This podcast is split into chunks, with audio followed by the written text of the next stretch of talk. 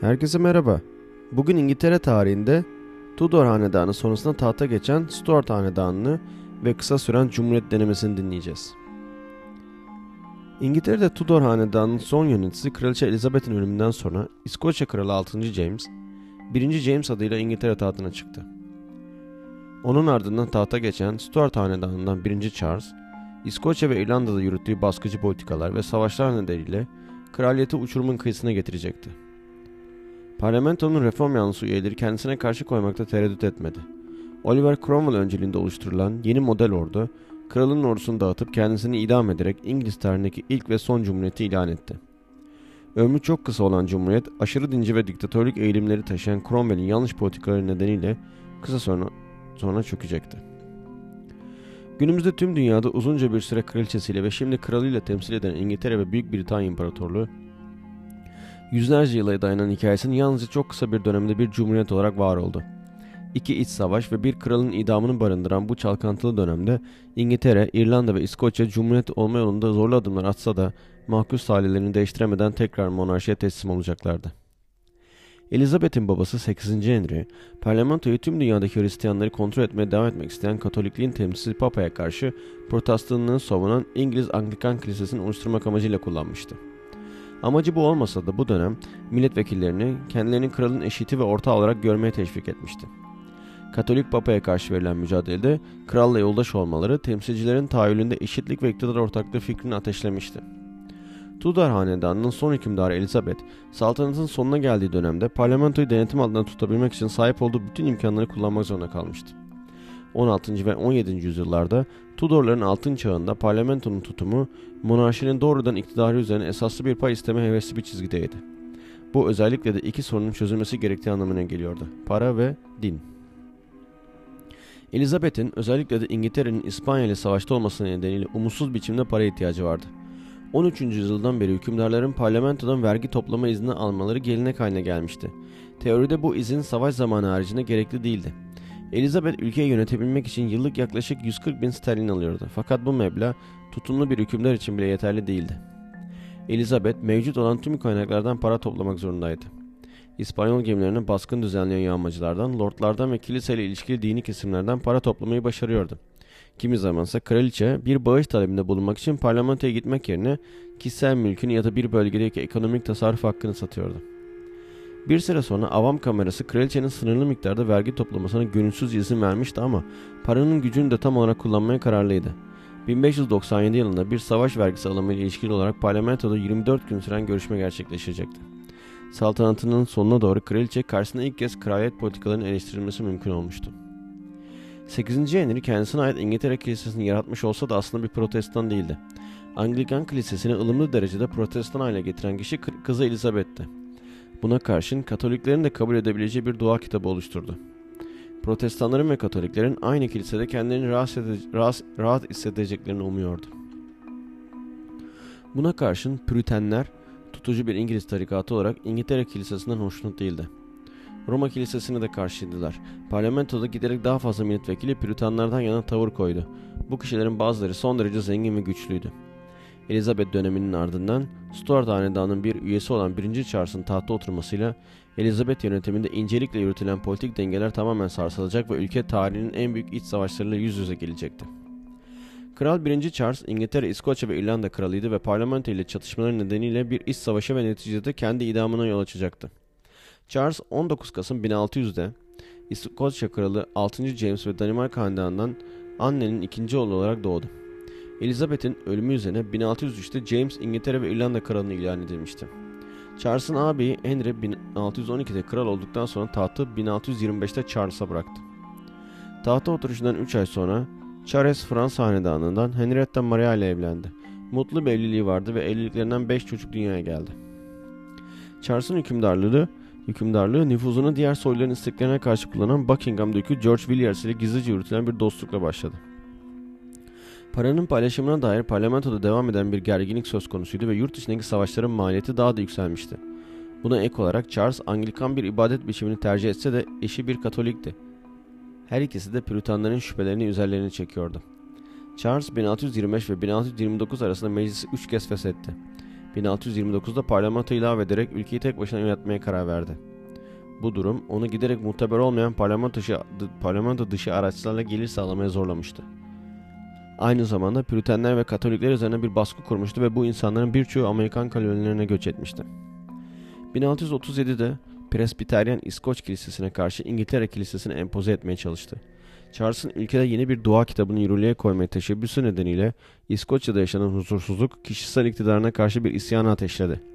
İskoçlarla savaşmak için para toplamak amacıyla parlamentoya çağrıda bulunmak zorunda kaldı. Parlamenter güçler için bariz müttefik Presbiteryen İskoçlardı. 1641 yılının Kasım ayında İrlanda'da bir ayaklanmayı bastırmak üzere orduya kimin komuta etmesine gerektiğine dair anlaşmazlık vasıtasıyla gerginlikler de açığa çıkacaktı. Hal böyleyken kralın yardım arayabileceği tek bölge İrlanda'ydı. Fransa ve Hollanda'dan yardım almak için cazip teklifler gelse de bu imkansızdı. İrlandalılar onlardan nefret ediyordu ve İngiliz Britenler Katolikleri vahşet ve katliamlarla anıyorlardı. İrlanda'dan gelen yardım kralın itibarını mahvetti ve asker alanda hiçbir fark yaratmamıştı. Parlamento ile yürütülen görüşmeler başarısızlıkla sonuçtu, sonuçlandı. Zira yetkilerinin çoğunu parlamentoya vermesi gerekiyordu. Görüşmeler çöktüğünde her iki tarafta ordularını seferber etti ve bir iç savaş başladı. 1643'ün sonunda her iki tarafında savaşı kazanmak için diğer ülkelerin yardımına ihtiyaç duydukları ortaya çıkmıştı. Charles 1642'den itibaren İngiliz İç Savaşı'nda İngiliz ve İskoç parlamentolarının ordularıyla savaştı. 1645'teki yenilgisinden sonra sonunda kendisini İngiliz parlamentosuna teslim edecek olan İskoç ordusuna teslim oldu. Charles, anayasal bir monarşiye yönelik talepleri kabul etmeyi reddetti ve 1647 Kasım'ında geçici olarak esaretten kurtuldu. Ardından White adasına yeniden hapsedilen Charles, İskoçya ile ittifak kurdu. Ancak 1648'in sonunda Cumhuriyet yanlısı Oliver Cromwell'in yeni, yeni model ordusu kuruldu. Charles 1649 yılının Ocak ayında tutuklanarak yargılandı, mahkum edildi ve ihaneti nedeniyle idam edildi. Monarşi yönetimi ortadan kaldırıldı ve İngiliz Cumhuriyeti diye adlandırılan bir cumhuriyet ilan edildi. Oliver Cromwell, Huntingdonshire bölgesinden saygın bir beyefendi ve bir çiftçiydi. Cambridge Üniversitesi'nde eğitim aldığı dönemde Püritenliği gitgide derinleşti. Parlamentoya bir kral muhalifi olarak girdi ve 1642'de büyük yetenekler gösteren bir süvari komutanı oldu. Henüz iç savaşın sürdüğü 1644 yılında kuzeydeki Marston Moor bölgesinde kralın ordusunun yok edilmesinde parlamentoya sunulan İskoç yardımları belirleyici olmuştu. Parlamento karşısında kralın kazanma şansı yoktu. 1645 yılının başlarında Cromwell yeni model ordusu fikrini ortaya atmıştı. İngiliz tarihinin ilk profesyonel ordusu 22 bin kişiden oluşan iyi donanımlı bir yapıya dönüştürüldü. O dönemde diğer askerlerin aksine iyi bir maaşları vardı. Sıkı bir disiplinle yönetiliyorlardı. Sabahları ve akşamları içki içmek, evlilik dışı ilişkiler yasaktı ve dua etmek zorunluydu. Kral Charles'ın idamından sonra Cromwell yeni parlamentoda görev aldı ve yasal sistemi ıslah etmeye başladı. 1650'lerin başlarında İrlanda ve İskoçya'daki çatışmalara komuta etti ve 1653'ten ölümüne dek İngiltere, Galler, İskoçya ve İrlanda'nın koruyucu efendisi olarak görev yaptı. Cromwell'in gücü askeri yeteneklerinden ve askerleriyle olan iyi ilişkisinden kaynaklanıyordu. İyi savaş başladığı günlerde İngiliz parlamentosuna hizmet edecek dindar ve profesyonel bir ordunun yaratılması onun ana kaygısı haline gelmişti ve 1645'te merkezi bütçe ve yönetimle idare edilen bir ordunun kurulması için bastırmıştı. Cromwell'in yeni model ordusu bir yıl içinde dikkat çekici zaferler dizisinin başlangıcını gösterir biçimde Nasabi Muharebesi'nde ana kraliyet ordusunu hızla dağıttı ve Charles'ı teslim olmaya zorlamıştı. 1649 yılında Cumhuriyet'in ilanı ve kralın idam edilmesi kararları İrlanda ve İskoçya'da İngiltere'deki yeni Cumhuriyet'in güvenliğini tehdit eden ve Cromwell'i tekrar savaş alanlarına yönlendiren kraliyet yanlısı bir tepkiyle karşılandı. İskoçya'nın 1650'de yeniden İngiltere'yi desteklemek için 2. Charles'a bağlılık kararı alması Cromwell'i İrlanda ve İskoç ordularıyla savaşmak zorunda bıraktı. İlk olarak Dunbar Muharebesi ve ardından Worcester'da kazandığı zaferler İkinci Charles'ı yaklaşık 10 yıl boyunca Avrupa'ya kaçmaya zorlamakla kalmadı, aynı zamanda 3 krallığın siyasi entegrasyonunu da etkiledi. 1653'te Cromwell parlamento tarafından tarihte ilk ve son kez Cumhuriyet'in koruyucusu ilan edildi. Oldukça inançlı bir Püritan olan Cromwell ve onun Püritan askerleri savaş alanındaki başarılarına ilahi bir destekle özdeşlediler ve hukuk sistemini yeniden şekillendirerek evangelist, aşırı derecede dinler bir Hristiyan tarikatı olarak vaizlerden oluşan bir yürütme organı kurdular. Din temelli bir toplum yaşamı yaratmaya yöneldiler ve yasaları bu doğrultuda değiştirdiler.